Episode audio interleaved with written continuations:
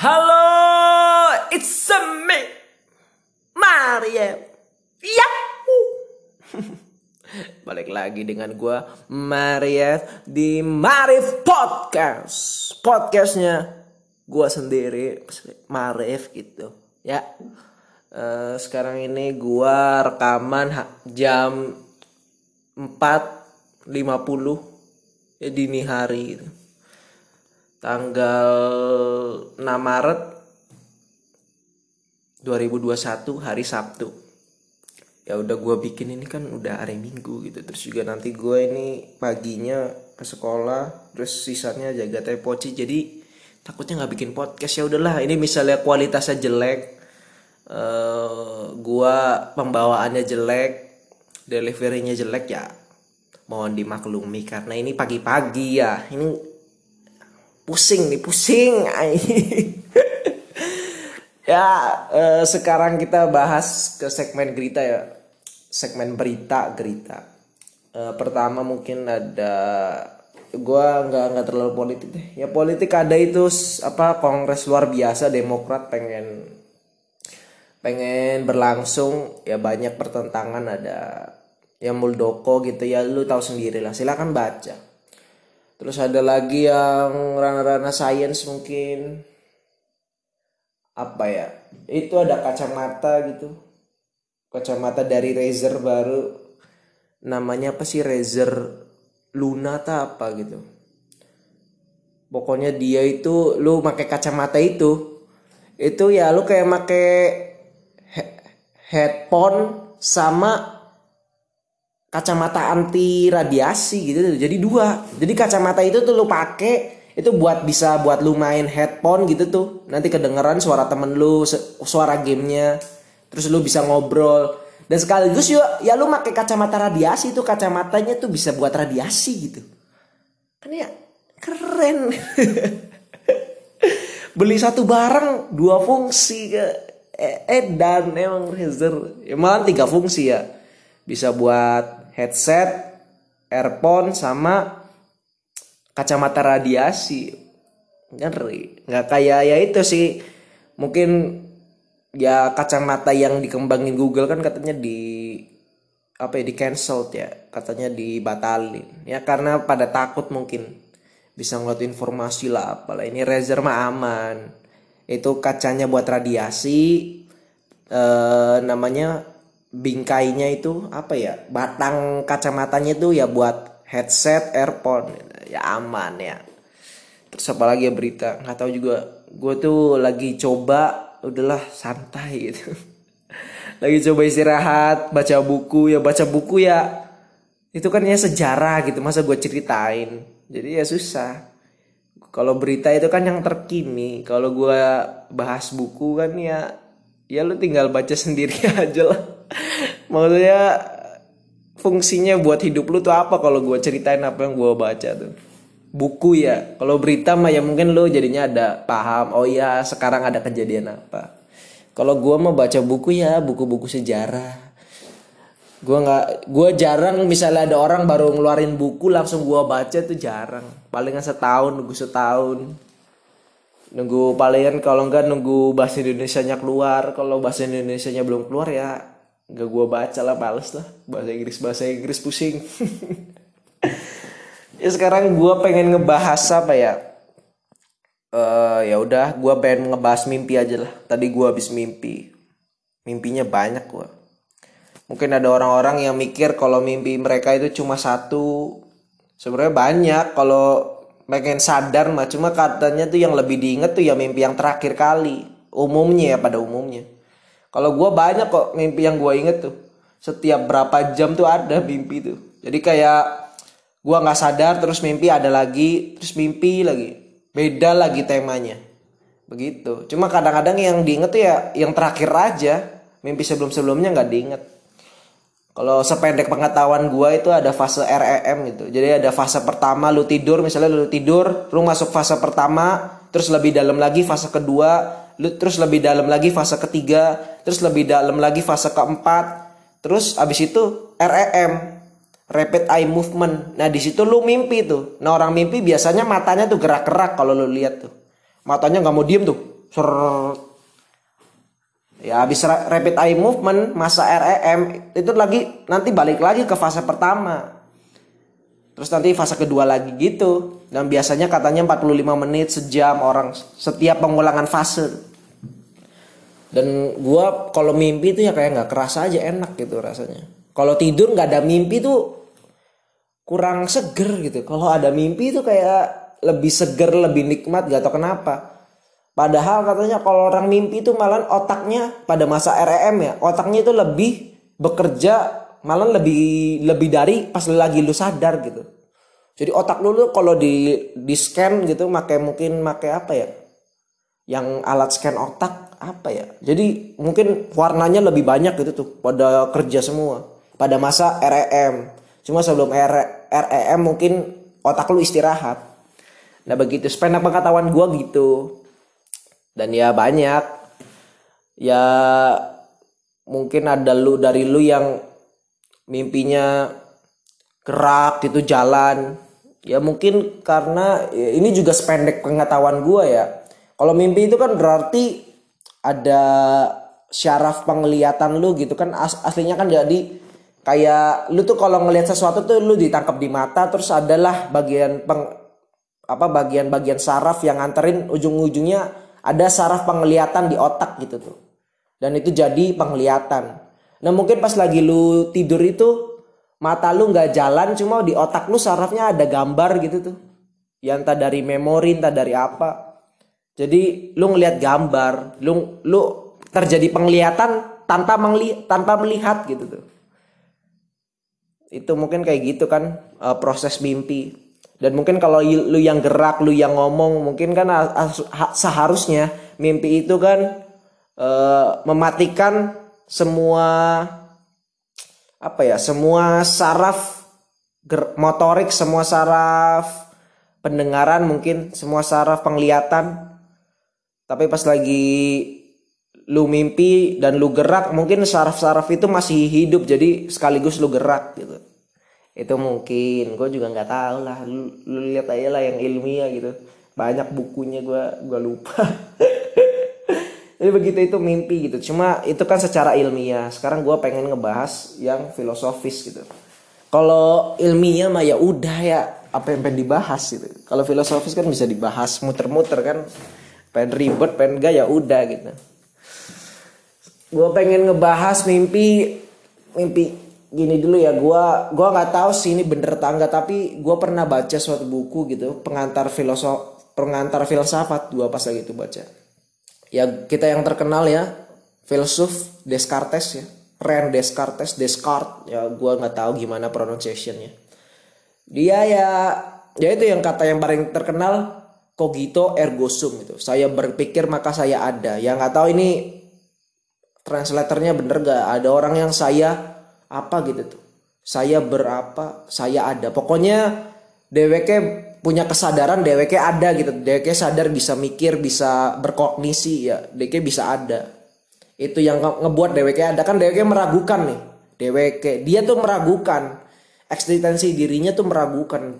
Ini nih saya nih bener-bener ada atau cuma ilusi aja ini nih. Oh tapi saya kan udah mikir udah merasionalisasi sesuatu terus juga merasa ya ini pemikiran saya nih ya ada nih. Cuma ya tubuh ini raga mungkin ya nggak ada. Tapi pemikiran saya pasti ada. Karena saya mikir di sini. Nah itu filsuf begitu. Kalau gua mah ya ada semua jelas ribet. Sok sok ilusi ilusi halu nggak jelas lah udah ada badan ada otak ada ya udah selesai gitu. Nah terus juga itu argumen dia tentang mimpi kan? Dia kan e, menjelaskan ini gue cuma gam apa ya menjelaskannya secara ilustrasi ilustratif aja ya. Kalau yang deskriptif lu baca Wikipedia lah atau baca bukunya Descartes Descartes gitu. Pokoknya kayak misalnya lu lagi tidur ya lu lagi tidur itu ya lu gak ngerasa kalau itu lu lagi tidur gitu di dalam mimpi itu. Lu nggak tahu kalau lu itu itu bukan asli itu tuh mimpi. Lah tapi kan lu nggak tahu gitu.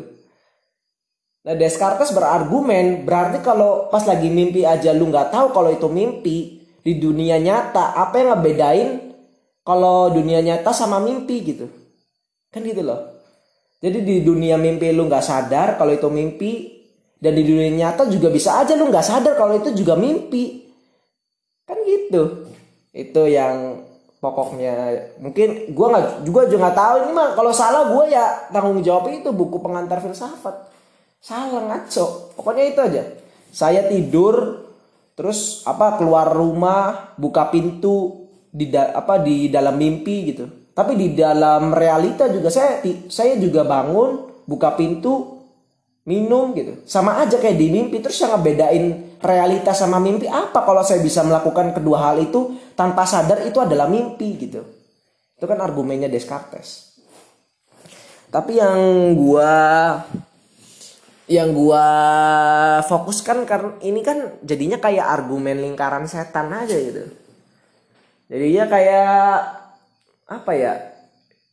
Dia tuh berarti mengharapkan sesuatu yang ya esensialis Plato lagi ada dunia lain gitu tuh. Dia mengharapkan ada dunia lain.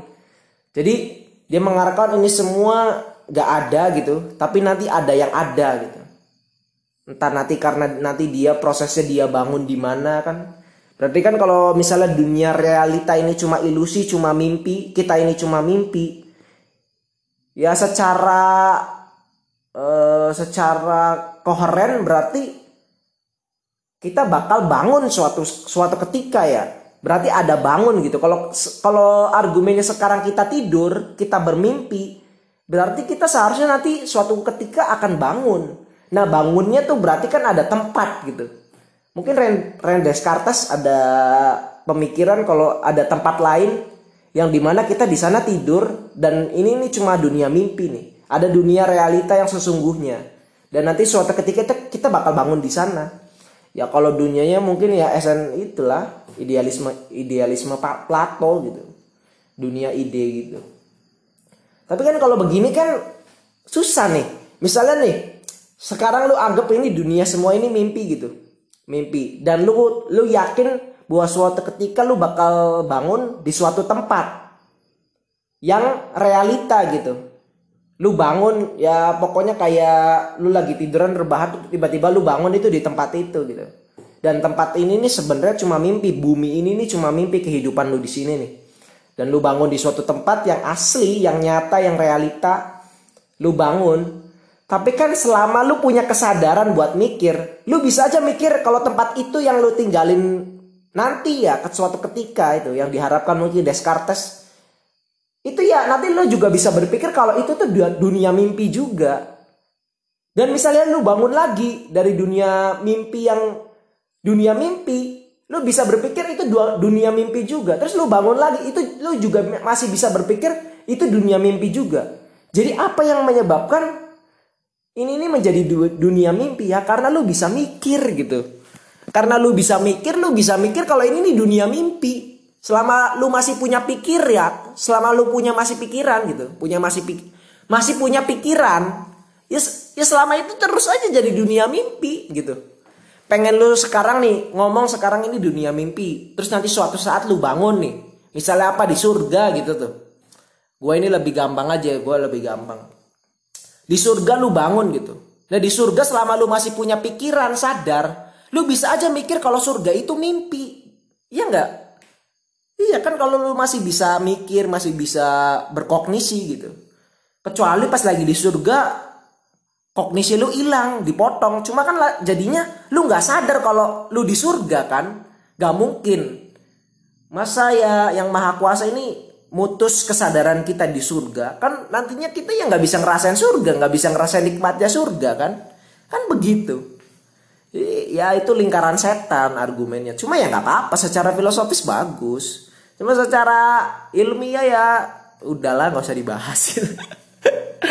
Itu mimpi yang itu. Terus juga mungkin uh, eh, gue juga ada ya apa ya otak gua tuh ya ya mohon maklumi lah otak gua ini emang agak-agak ekstrim gitu. Agak-agak radikal gitu radikal dal bukan dalam artian politik radikal dalam artian ya itu. Coba ke dalam-dalam gitu. Nah gue coba mikir dari argumen Descartes itu berarti kan ini kita dunia mimpi terus nanti suatu hari kita bakal ke misalnya ini nggak tahu gue bener nggak kan ya udah tanggung jawab pengantar filsafat itu bukunya brengsek berarti kalau gue salah. Gue suatu saat kita ke dunia yang realita gitu ini dunia mimpi. Nah kan sekarang kan kita di sini juga di dunia mimpi ini anggaplah ini adalah dunia mimpi ya kita juga sekarang ini mimpi kan kita juga di sini bisa mimpi jadi berarti kita mimpi di dalam mimpi nih kita mimpi sebenarnya kita ada di dunia suatu dunia sana gitu suatu kehidupan yang lain gitu kita di sini mimpi, di bumi ini mimpi, dan kita juga di bumi ini mimpi. Jadi mimpi di dalam mimpi kan. kan lucu. Tai di dalam tai gitu. Ya us tai. Inilah gue juga misalnya itu terlalu berat buat lu ya ya mohon maaf soalnya gue udah susah mikirin tema nih udah mikir-mikir tema yang lebih mudah apa susah Soalnya gue biasa ngebahas hal beginian. Gue tuh nggak terlalu peduli sama kehidupan SMA gue, kehidupan anak muda gue, atau pertemanan gue. Lu, gue palingan teman yang ngumpul ya cuma tiga orang, empat orang.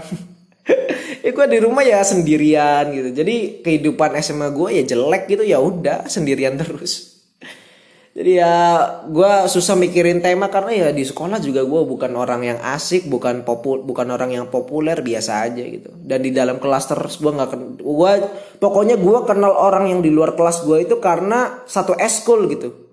Kalau nggak satu eskul ya biasanya nggak kenal. Palingan dia yang ya palingan kenalnya gara-gara siapa ada kenalan gue di eskul ngasih tahu kalau ini Arif gitu. Marif ya udah silahkan ya gue lanjutin ya tentang mimpi tadi. Ya gue gue mikir itu ada mimpi di dalam mimpi gitu. Nah gimana kalau tartar ya ya ya tadi lanjut lanjut. Tadi ada kakak gue gitu manggil suruh ngurusin kucing nih. Kucing! Hei! Kamu sini! Diem aja anjing. Kucing anjing. Ya gitu uh, eh, gue ngeliat potensi gitu kayak misalnya mimpi ini kita ini mimpi ini di dalam dunia mimpi ini ya. Ya kita anggap ini dunia mimpi lah. Cuma kita kita mikir aja ini misalnya ini mimpi ya. Gimana kalau suatu ketika kita bisa ngebuat kita tuh mimpi terus tuh gimana? Misalnya nanti kayak ya itu lu lu tahu kayak itu lah Kirito itu di Sword Art Online itu. Ada game gitu virtual virtual reality ya VR game VR cuma itu bisa matiin semua saraf-saraf lu seperti lu pada saat mimpi gitu. Jadi lu main game itu sambil lu bermimpi itu jadi game itu tuh prosesnya kayak lu mimpi. Sama gitu.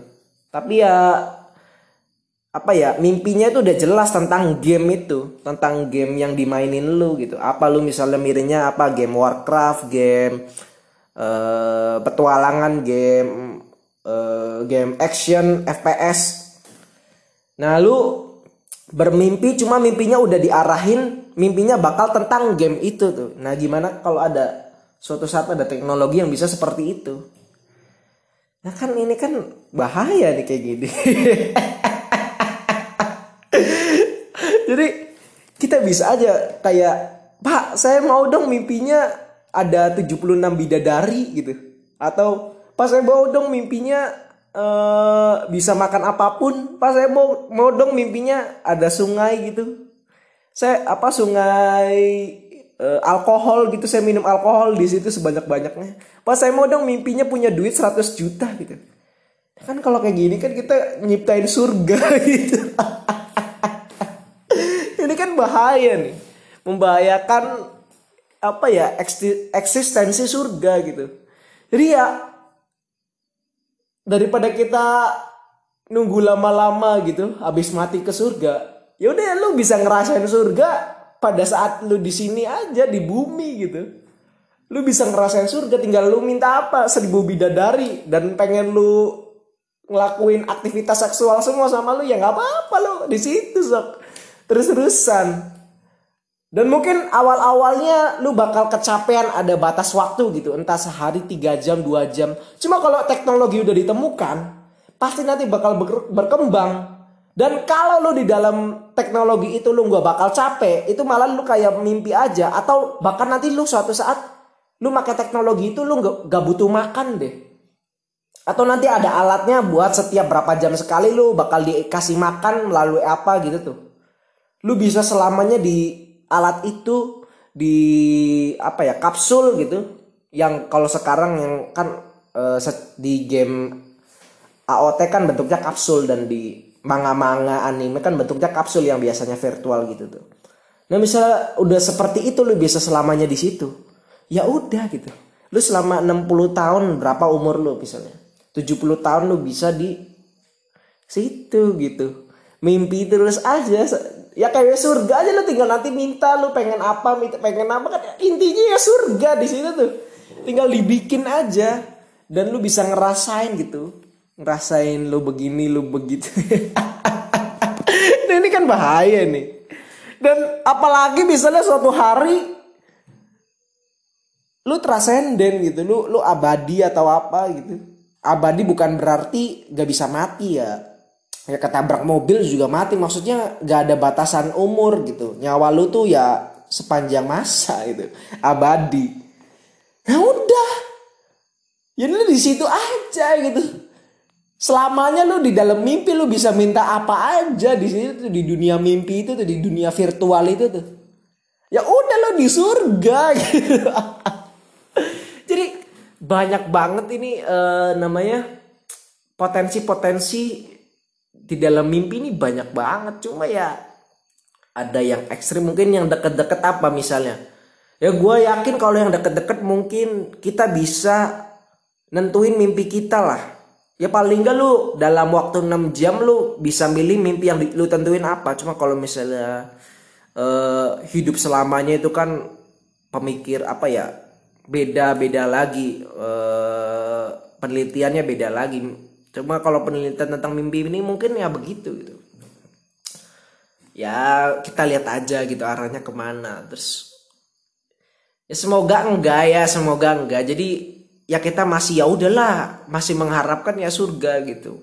Kalau nggak ada surga ya ya udah surganya udah kita rasain gitu terus kita ke surga ya udah sama aja kan ya gimana gitu nanti, nanti ke surga. Wah ini mah sama aja lah. Gak surga di dunia juga ada surga. Gue tinggal mimpi aja. Ini mah sama aja lah. Udahlah. Lah udahlah. Gak usah lah. Lu nanti malah mintanya minta dihidupin lagi. Udah di bumi aja surga gitu. Enak gitu. Nah ini gimana gitu.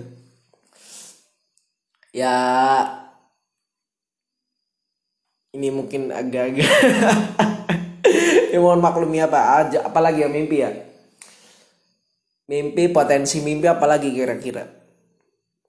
Ya mungkin eh, salah duanya kita bisa kan sekarang kan udah ada kayak alat gitu.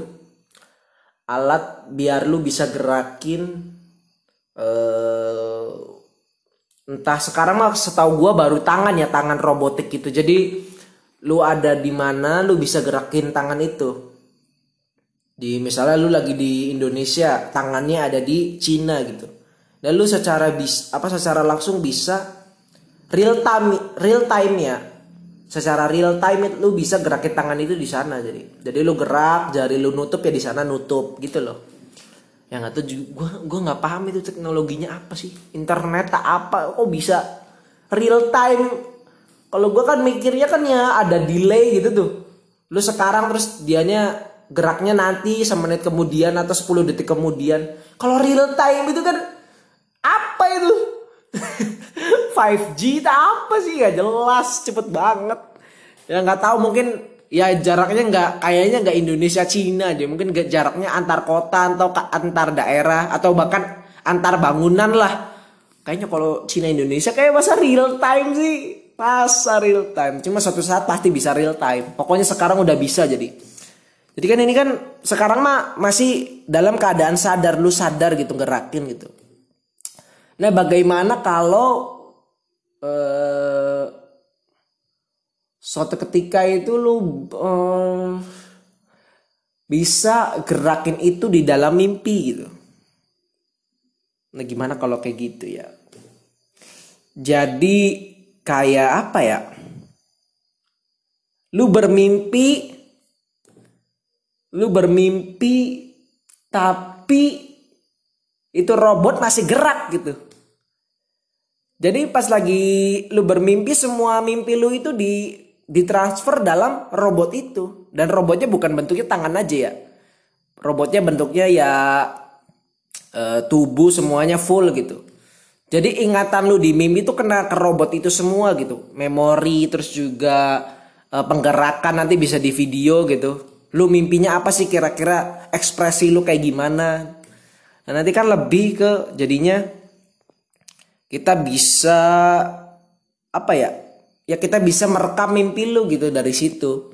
Kalau kita cuma dengerin penjelasan lu kan ya susah ya. Tapi kalau kita bisa nyiptain robot gitu yang bisa apa ya bergerak sesuai apa yang lu mau di dalam mimpi ya udah jadinya robot itu bergerak sama kayak lu pas lagi mimpi gitu. Bisa nggak kayak gitu? Tapi kan kemungkinan besarnya lebih besarnya ya robotnya bakal tiduran aja. Ngikutin lu yang tiduran bukan lu yang bermimpi. Karena ya itu susahnya karena ya pas lagi lu mimpi itu saraf selain saraf apa ya saraf penglihatan masih nyala nggak sih? Enggak ya. Pokoknya tapi saraf yang ngebuka mata lu tuh nutup terus saraf motorik mati semuanya mati. Jadi mungkin ya susah robot. Tapi ya misalnya bisa ya keren gitu.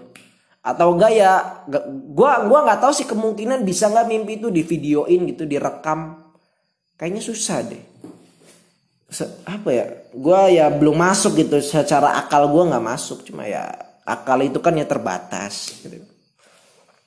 Jadi ya mungkin ada suatu hari ada gitu. Terus apa lagi nih potensi mimpi ini ya? Eh apa ya? Kira-kira ya. Coba kita pikir bareng-bareng. Ini gue bingung nih. Uh, ya ya mungkin itu bikin dunia mimpi di jadi ya itu dunia mimpinya Descartes mungkin. Ya kita bikin aja sekarang gitu. Jadi orang-orang yang nggak punya rumah orang-orang yang hidupnya sial gitu mereka bisa tetap bahagia dengannya bermimpi gitu. Bisa nggak? gitu jadi ya kita cari-cari orang yang nggak punya rumah terus juga secara ekonomi miskin terus tapi ya dia secara intelektualnya rendah ya umurnya udah udah jauh gitu. Kalau umurnya masih 20 30 miskin ya udahlah masih panjang. Cuma udah umurnya 60 kasihan kan masa harus tersiksa terus.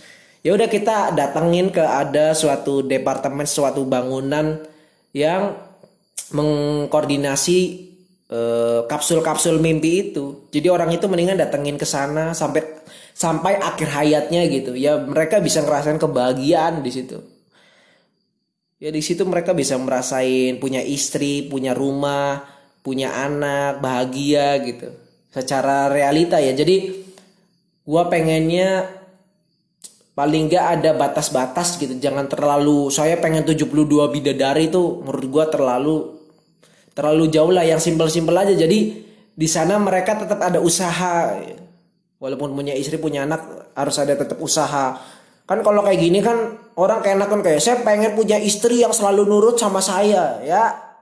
Jadinya kan gak ada apa ya eh, pahit manis kehidupannya nggak kerasa gitu. Jadi ya ya boring gitu. Kalau lu selalu keenakan terus kan ya menurut gue boring aja. Ini enak terus gak ada gak ada fluktuasinya. Jadi ya mungkin lu boleh minta istri cuma ya istrinya lu jangan milih. Dia dia punya kekurangan punya kebaikan. Jangan pengennya istri saya harus sempurna. Sifatnya baik ininya baik bodinya langsing ininya gede. Wah ya ya kenakan dan mungkin ya pertama-tama wah senang senang tapi lama-lama bosan juga gitu ya. Ya itu. Kemungkinan bosannya ya, masalah. Nah gue pengennya ya itu paling nggak ada realita gitu.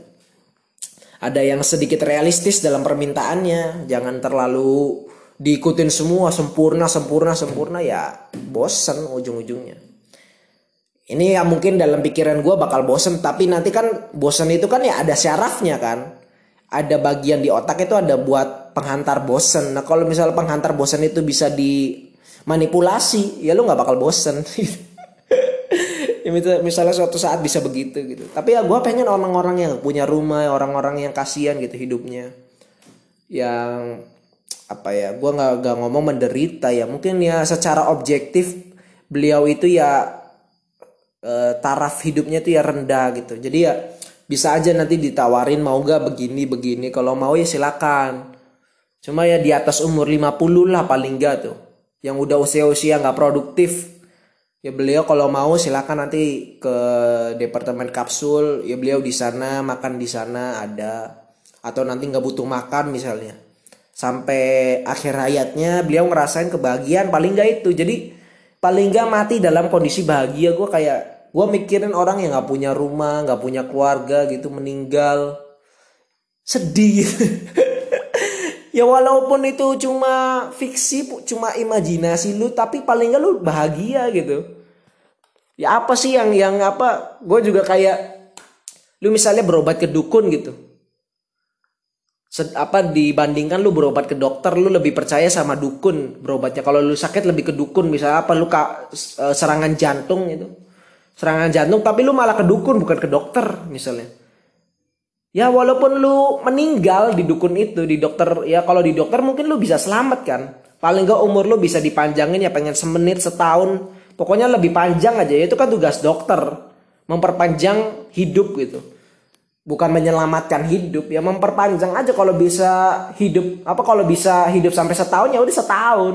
Jangan mati sekarang gitu Nah tapi lu lebih percaya ke dukun dia karena mungkin keadaan sosial terus juga kepercayaan lu gitu. Lu lu datang ke dukun dan lu mati gitu. Tapi gua yakin ya lu matinya dengan bahagia aja karena ya keyakinan lu begitu gitu. Malah kalau lu ke dokter dipaksa anak lu gitu, dipaksa istri lu, enggak enggak Gak boleh ngapain ke dukun, gak efektif ke dokter lah orang sakit udah kayak gini parah lu daftar ke dokter dan lu meninggal, lu pasti nyalain dokternya. Ah, ini mah gara-gara dokter gitu. Tapi kalau lu ke dukun sesuai keyakinan lu, sesuai yang lu percayai kalau dukun itu bisa menyembuhkan dan lu meninggal, gua yakin lu lebih nggak apa-apa gitu. Tapi kalau dokter, lu meninggal karena dokter ya lu kesel dong. Gua lu udah dipaksa-paksa ke dokter malah meninggal. Ini berarti ya dokter itu nggak apa ya? Ilmunya salah gitu ya. Itulah. Ini kasarnya begitulah. Jadi ya kan ujung-ujungnya yang penting ya lu seneng aja. Paling gak lu mati seneng gitu. Paling gak lu mati seneng ya. Mati sih tetap mati. Cuma ya seneng gitu paling gak tuh. Daripada udah mati sedih kan. Paling gak lu mati tapi seneng gitu. Lu bisa ses mati sesuai apa yang lu inginkan apa yang lu yakini gitu. Ya nggak apa-apa silakan. Mati ya mati gitu dan itulah gue juga ya apalagi ya mungkin tapi kalau misalnya obat-obatan uh, narkoba gitu ya kita bahas nanti lah gua gua Rif, Marif Marif lu setuju nggak dengan narkoba obat-obatan? Gua setuju cuma ada ketentuan-ketentuannya nanti kita bahas deh. Di lain waktu ya. Narkoba gitu ya ya obat ya say no to drugs gua juga drugs drugs itu kan maksudnya nggak tahu sih di di bahasa di orang Inggrisnya Amerika gitu. Mereka pengertian drugs tuh ada dua pengertian obat sama narkoba atau atau cuma satu obat aja jadi. Narkoba tuh ya obat aja kalau di Inggris di Amerika. Tapi kan kalau di Indonesia jadinya narkoba. Terus juga drugs itu bisa jadi obat. Nah jadi gue gue juga nggak tahu ya. Ya lu orang Amerika orang Inggris ya nggak mungkin lah main denger podcast ngapain denger podcast gue orang Amerika orang Inggris? Ya pokoknya gitu. Jadi nantilah kita bahas itulah. Ya apa? Halusinogen ya obat halusinogen ya. Ya mempermudah hidup memper, mempermudah lu bahagia gitu. Nanti kita bahas. Dan gue nggak mau bahas dari sisi yang halal atau haram enggak gue cuma bahas konsekuensi bahas apa yang bakal terjadi gitu. Kira-kira bakal apa yang terjadi ini secara filosofis aja nggak kalau ilmiah gue harus banyak baca gitu. Gua bacaan gue sedikit dan bacaan gue kebanyakan ya buku sejarah buku apa ya? Ya buku filsafat. Gue nggak baca buku ilmiah terlalu banyak ya pusing gitu. Dan kita juga bakal ngebahas kenapa hal ilmiah itu lebih susah gitu. Kenapa orang lebih milih belajar motivasi daripada belajar sains. Kenapa orang lebih seneng uh, religiusitas daripada skeptisme gitu? Kenapa orang begitu? Kenapa orang lebih bisa? Ya gue sih pasti ada alasannya lah. Kayak lu misalnya lu kenapa secara secara umum lu gua sama aja gua juga gua juga begitu sih secara umum orang pasti kalau ditanyain pelajaran yang gak dia suka ya matematika, fisika gitu. Ya kenapa gitu? Gue mikirnya kan berarti ini e, secara objektif ini otak ini kan emang berarti di apa ya ter, e, terbentuknya itu ya emang tidak untuk mensupport mensupport matematika, fisika gitu dibentuknya tuh. Kalau emang otak ini disupport buat men, apa ya? Disupport buat melakukan perhitungan, e, penalaran, terus juga rasionalisasi sesuatu gitu. Gua yakin ya ilmu matematika, fisika itu bakal jadi pelajaran favorit kalau otak kita emang bisa berfungsi seperti itu ya. E, apa ya? Bentuk otak kita atau eh, bagian-bagian otak kita tuh didorong buat kita rasional eh, bernalar bisa ngitung gitu tuh. Bisa memperhitungkan sesuatu. Gue yakin ya nanti pelajaran favorit itu ya MTK fisika. Tapi karena otak kita dibikin buat gak bisa melakukan itu makanya kita lebih senang pelajaran PPKN lah pelajaran sejarah lah. Karena emang otak kita didorong buat uh, belajar itu lebih belajar itu. Karena lebih mudah lebih enak lebih gampang Nah kalau otak kita emang dibuat apa ya, buat berhitung, gue yakin ya penalan pelajaran sejarah PPKN tuh ya susah buat kita tuh. Ini gimana caranya nih? Karena kita terlalu otak kita terlalu rasional buat belajar PPKN, belajar filsafat gitu. Jadi ya menurut gue emang emang otak kita di apa ya bahasanya ya gue susah nih nyari katanya nih. Didesain gitu didesain itu sebagai ya untuk untuk bukan buat berpikir rasional berpikir kritis atau nalar nalar perhitungan gitu. Emang kita otak kita ya emang buat emosi buat seni gitu. Di drive nya seperti itu lebih seperti itu. Dan mungkin dukungan-dukungan di luar kan lebih lu lebih pakai emosional lu gitu daripada rasional. Lu jadi ya itu gue pengen ngebahas dari sisi itu ya nanti juga ada narkoba ada apa. Jadi ini gue pengen ngebahas yang lebih simpel tapi ya balik lagi gue gue nggak ada stoknya nggak ada gitu. Gue pengen ngebahas apa? Gue ya bukan orang yang populer di sekolah gue bukan tipe anak yang super akt, apa ya aktif gitu di dalam lingkungan sekolah gitu. Kalau di dalam lingkungan kelas ya gue bisa bilang gue orang yang aktif atau bahkan hiperaktif ya tapi kalau di dalam lingkungan lingkungan sekolah, cakupannya sekolah ya gue bukan siapa-siapa di situ. Lebih banyak terkenal ya orang-orang warung lah, orang-orang uh, supporter kan lu misalnya di sekolah ada eskul yang Newport, misalnya ada pertandingan futsal, pertandingan basket, mereka bagian Newport ya mereka biasanya orang-orang terkenal di situ tuh. Dan yang apa-apa, santai. Gue lebih senang sendirian, gue lebih senang ya gini bikin podcast dan balik lagi gue lebih pede di depan kamera, di depan HP daripada di depan orang. Cuma sekarang malah di depan orang juga agak-agak mendingan lah. Yaitu ya berkat ini sih berkat gue ikut eskul apa ya eskul akademis gitu. Dan gue di situ setiap saat ya setiap perkumpulan gue kadang-kadang ngomong e, sejam dua jam. Ya eskulnya akademis bahasa Inggris khususnya. Jadi gue ngomong sejam dua jam bahasa Inggris dan gue jadi pede gara-gara itu ya. Walaupun di depannya ada cuma ada 20 orang 15 orang 11 orang ya. Kadang-kadang juga lima orang.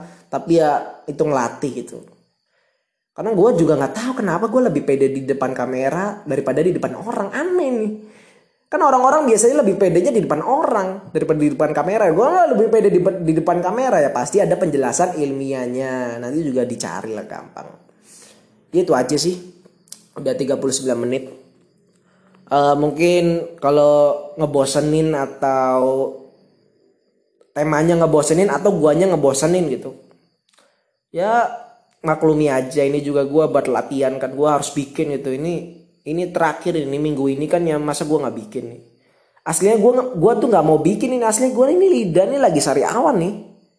Jadi setiap ngomong tuh ada aja perasaan nyelekit nyelekit nih. Cuma ya udahlah udah konsisten itu paling gak ya gue bikin. Kalau udah misalnya gue takutnya nih kayak sekali gue kayak ya udahlah nanti aja bikinnya. Malah keterusan nanti kayak enakan jadi eh drive otak gue tuh nganggep podcast itu jadinya nggak terlalu penting tuh. Tapi kalau gue kebiasaan gue ngelakuin terus. Kalau gue nggak ngelakuin itu gue kayak ngerasa bersalah gue kayak ngerasa ada yang kurang gitu. Jadi gue coba terus-terusan ya minimal sampai episode 100 gue pengen terus konsisten lah. Minimal kalau nggak sampai gue nanti lulus sekolah lah. Kalau mungkin lulus sekolah gue nggak bisa karena nyari kerjaan atau apa gitu ya. Jadi mohon maklumi. Tapi kalau misalnya gue lulus sekolah langsung dapat kerjaan ya udah lanjut aja podcast. Cuma palingan gue lagi di rumah gitu duduk-duduk santai ya udah bikin aja sejam dua jam. Sambil istirahat. Karena ini juga secara gak langsung apa ya ya nggak tahu sih lu lu orang-orang kayak gue apa ya? Bukan orang-orang kayak gue masa gue tuh nggak bisa diem gitu tuh. Susah kayak diem istirahat. Gue walaupun diem nih ya otak gue tuh kayak mikir ngawang-ngawang aja. Ya kayak terbang nggak gak jelas. Kayak mikir ini kenapa gini gitu. Walaupun lagi diem gitu diem. Sebenarnya cuma baca komik gitu. Tapi ya otak gue tuh mikir oh ya gimana kalau gini kalau gini? Sih susah itu ya konsekuensinya apa re, apa ya negatifnya apa ya itu gue susah tidur karena itu overthinking itu susah tidur gue kalau mau tidur tuh entah harus olahraga dulu atau nonton-nonton video-video yang ngebosenin tuh. Video-video kayak orang di alam, pegunungan, bikin rumah, begitu-begitulah.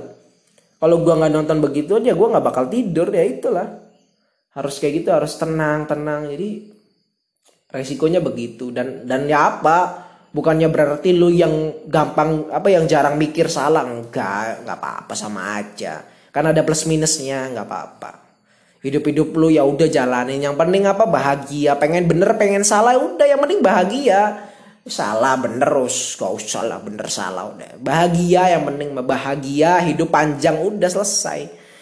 Uh, apa oh, emang orang zaman purba itu tahu tah apa teori relativitas teori evolusi yang enggak kan tapi hidupnya bahagia bahagia aja kan berarti bahagia bukan berarti kalau lu tahu sesuatu Ya karena ya orang zaman purba aja ya nggak tahu apa-apa tapi bahagia-bahagia aja kok. Jadi ya misalnya lu nggak apa ya nggak tahu apa-apa juga ya nggak apa-apa. Yang penting bahagia. Tapi ya kalau udah lu udah nggak tahu nggak nggak tahu apa-apa nggak bahagia lagi ya udah mati ya. kan intinya bahagia gitu. Juga juga berusaha bahagia. Cuma ya dalam urusan pekerjaannya gue pasti agak kompromi lah. Gak apa-apa lah menderita yang penting dapat uang gitu. Soalnya kalau pengen kerjaan yang kita seneng kita hobi kan ya banyak orang sukses itu. Kerjaan kalau hobi itu ya apalagi passion kita. Gak segampang itu juga ya menurut lu ya kalau apa ya koneksi lu bagus orang tua lu bagus lingkungan lu bagus. Enak kalau di sini ya pengen kerjaan hobi di sini aja kerjaan terbatas. Mungkin kerjaan-kerjaan yang ada di Jakarta di sini ya nggak ada gitu tuh. Jadi ya yang nyata-nyata aja lah ya pengen hobi pengen enggak ya udah yang penting kerja dulu. Kalau misalnya nggak nyaman ya dinyamanin dibikin nyaman gimana caranya. Kan gue juga udah udah dibikin nih cara misalnya ya mungkin lulu yang di tongkrongan lulu yang di kelas ya itu bahasa nanti ya ini cuma apa ya uh, prolog aja gitu uh, teaser. Jadi misalnya kayak apa ya, lu di tongkrongan gak bahagia, apa ya lu udah kayak bercanda, lu bikin orang seneng, tapi mereka kayak nggak ngehargain lu, nggak nggak ngasih lu benefit, ya nggak ngasih feedback lah ke lu, malah lu kayak nggak dihargain. Nah, gue jadinya ngebagi aja. Ada waktu buat ngebahagiain orang lain, ada waktu buat ngebahagiain diri gue sendiri. Nah gitu. Jadi nggak apa-apa lu gak bahagia di tempat pas lagi nongkrong sama mereka. Tapi pas lagi ada waktu lu pulang dari situ lu gimana caranya lu bahagia nah begitu gua gua udah gua itu udah udah gua lakuin. Cuma tak kenapa kalau kerja mungkin kalau nggak bekerja ya udah nggak apa-apa. Yang penting dapat uang gitu. Jadi ada waktu lu buat ngebahagiain orang lain, ada waktu buat ngebahagiain diri sendiri gitu. itu teaser ya itu nanti gue bakal bahas di episode episode selanjutnya ya nggak tahu lah. Kalau lu yang mau ya silakan request ya. Atau lu yang mau ngasih pendapat mau ngasih tema ini temanya ini aja nih. Kalau gua relate gua uh, relevan dengan temanya ya mungkin gua akan gua bahas. Ini kan ya ide gua terbatas gua pengen bahas ide-ide gua di blog itu terlalu serius. Jadi ya udah gua bahas ide-ide yang gak terlalu serius lah. Kalau mau lihat blog gua ya aduh, pusing gitu. Ya nantilah gampang. Ya uh, ya udah uh, kita akhiri aja ya. Uh, nanti gue bakal bikin ya pokoknya minggu depan entah kapan. Pokoknya tungguin aja podcast ini ya podcast Marif podcast ini dengan gue hostnya Marif di episode episode berikutnya dadah my friend Hui.